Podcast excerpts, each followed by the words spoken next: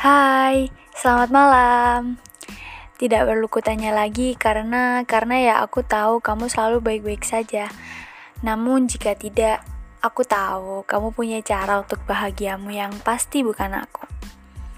Um, cerita ini sebenarnya harus ditenggelamkan jauh di dasar laut karena aku sudah menyimpan perasaan ini lebih dari tujuh tahun yang di mana hanya aku hanya aku yang mengembang perasaan itu.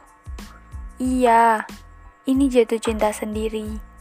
Jatuh cinta yang kalau orang-orang bilang adalah cinta yang bertepuk sebelah tangan. Beberapa orang mungkin tidak pernah merasa mudah saat ia harus memeluk kenyataan bahwa yang ia cintai tidak mencintainya. Tapi aku masih nggak ngerti kenapa perasaan ini mampu bertahan selama itu. Alkisah, dia adalah teman. Temannya temanku yang kebetulan satu kelas dengannya. Pertemuan pertama dengannya tidak begitu meruntuhkan perasaan sih.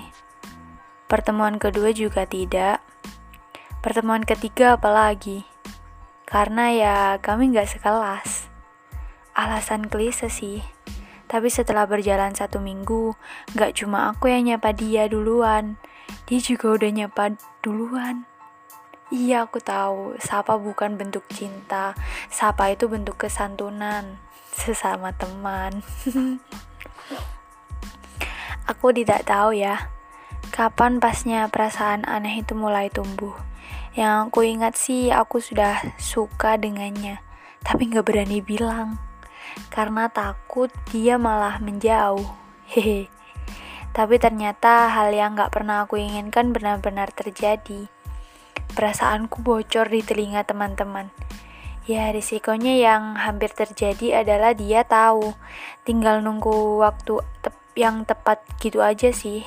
Setelah jalan dua hari dari kejadian itu, sepertinya dia tahu karena sikapnya nggak seperti biasanya. Aneh, aku salting, tapi dia berpaling. Sumpah memalukan. Kejadian ini semakin buruk ketika aku harus menerima kenyataan kalau dia pindah sekolah. Iya, kenyataannya adalah aku semakin jauh darinya. Dekat saja terasa jauh kan? Apalagi kalau jauh. Wah, rasanya aku sudah nggak seplanet sama dia.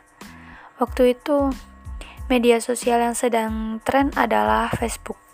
Jadi aku mencoba menghubungi dia lewat Facebook. Niatnya sih menanyakan kenapa dia pindah sekolah, tapi ternyata tidak dibalas. Saat dia pergi, banyak sekali orang yang datang, tapi aku tidak bisa membohongi perasaanku sendiri. Aku terlalu menjatuhkan semua perasaanku untuknya, hingga aku tidak bisa merasakan kedekatan apa pun dengan orang-orang baik yang datang untukku. Padahal aku hanya cinta sendiri, bukan yang pacaran lalu putus. Bukan, ini malah lebih menyedihkan dari itu. Tahun-tahun berikutnya, media sosial yang sedang tren adalah Instagram. Jadi aku cari cara lagi untuk bisa menghubunginya. Langkah awal yang aku lakukan adalah mencari username-nya. Ada dua akun, tapi aku chat semua. Tapi tidak ada yang dibalas. Aku nggak kehabisan cara sih. Aku menghubungi kawan dekatnya yang kebetulan dia bilang sudah tidak pernah saling berhubungan lagi. Jadi aku punya alasan kuat untuk dia membalas chat dariku. Dan benar, dia malah kasih nomor WhatsAppnya. Sumpah ini kejadian yang gak pernah aku kirain sebelumnya.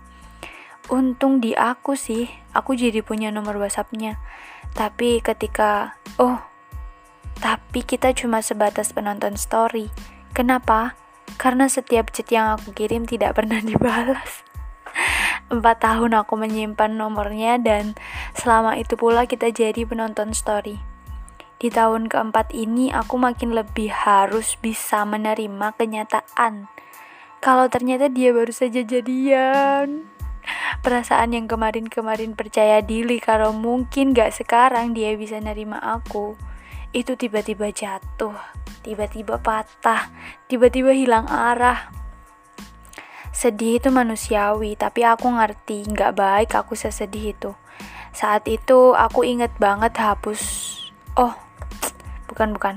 Saat itu aku ingin banget hapus kontaknya, tapi keurungkan karena ternyata jiwa kepoku lebih tinggi dari kesedihan itu sendiri. Aku menyimpan kontaknya.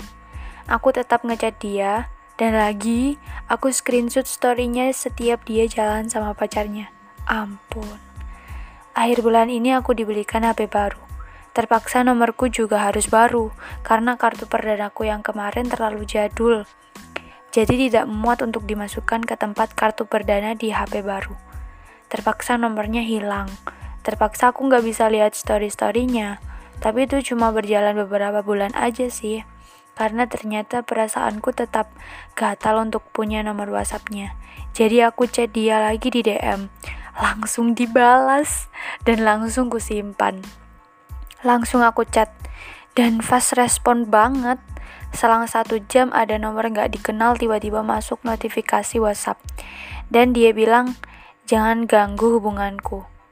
Sempat kaget, tapi nggak berpengaruh banyak sih buat aku. Ya walaupun aku tahu ternyata nomor yang ku simpan itu nomor pacarnya. Konyol sekali. Setelah kejadian itu, aku kok jadi dekat dengan pacarnya. Malah dia adalah bahan gibahan kami. Entahlah, semesta memang suka bercanda. Nah, dari sini aku paham. Cinta itu ketulusan, keikhlasan, dan kesungguhan. Karena cinta itu luas, siapa pun boleh memutuskan untuk tetap tinggal atau pergi. Karena kalimat menyerah pada perasaan itu menurutku sia-sia. Mungkin bertahan juga patut jadi pilihan, karena sesuai kutipan Kak Sana yang selalu aku pegang adalah berani jatuh cinta resikonya patah hati.